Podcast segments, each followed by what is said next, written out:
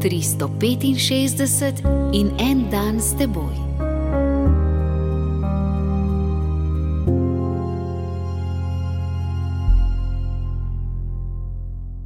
Iz apostolskih del, sedmo poglavje, 57 in 58 vrstica. Tedaj so zaupili z močnim glasom, si zatisnili ušesa in vsi hkrati planili na den. Pahnili so ga iz mesta in ga kamnali.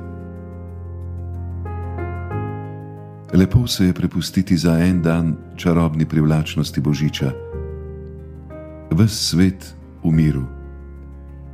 Vsi ljudje končno bolj dobri.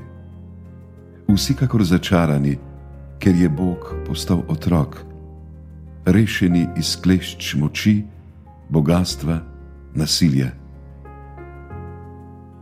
Vsi bratje in sestre okoli votline, ozalšane s pesmijo angelov. Čudovito lepo je. Toda takoj zatem mučeništvo Štefana znova odpre vrata resničnosti.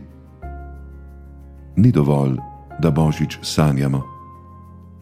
Treba ga je zauzeto in pogumno graditi vsak dan.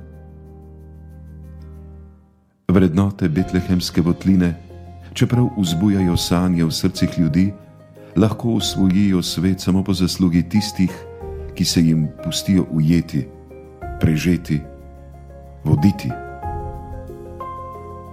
Božične sanje postajajo stvarnost in angelsko petje se spremenja v pesem ljudi samo z vsakdanjim pogumnim pričevanjem.